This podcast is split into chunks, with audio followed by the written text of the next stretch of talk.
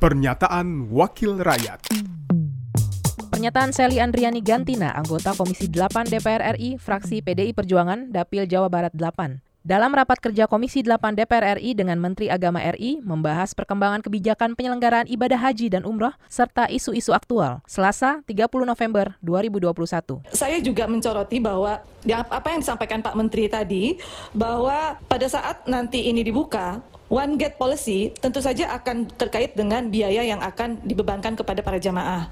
Nah, pada saat kita belum berangkat, uh, belum terjadi pemberangkatan, 26 juta tentu saja ini adalah beban biaya yang sangat berat untuk para jemaah. Nah, apalagi kalau misalnya kita kita akan menetapkan 26 26 juta ini dengan uh, klasifikasi yang tadi disempatkan uh, yang disampaikan oleh Gus Menteri, apakah ini betul-betul sudah disepakati oleh para KB, KBIH apa belum nih?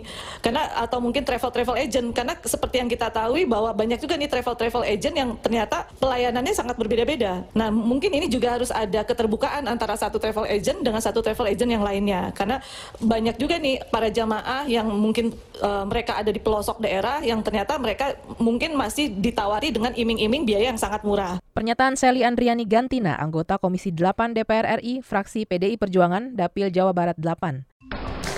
Produksi TV Radio Parlemen, Biro Pemberitaan Parlemen, Sekjen DPR RI. Pernyataan Wakil Rakyat.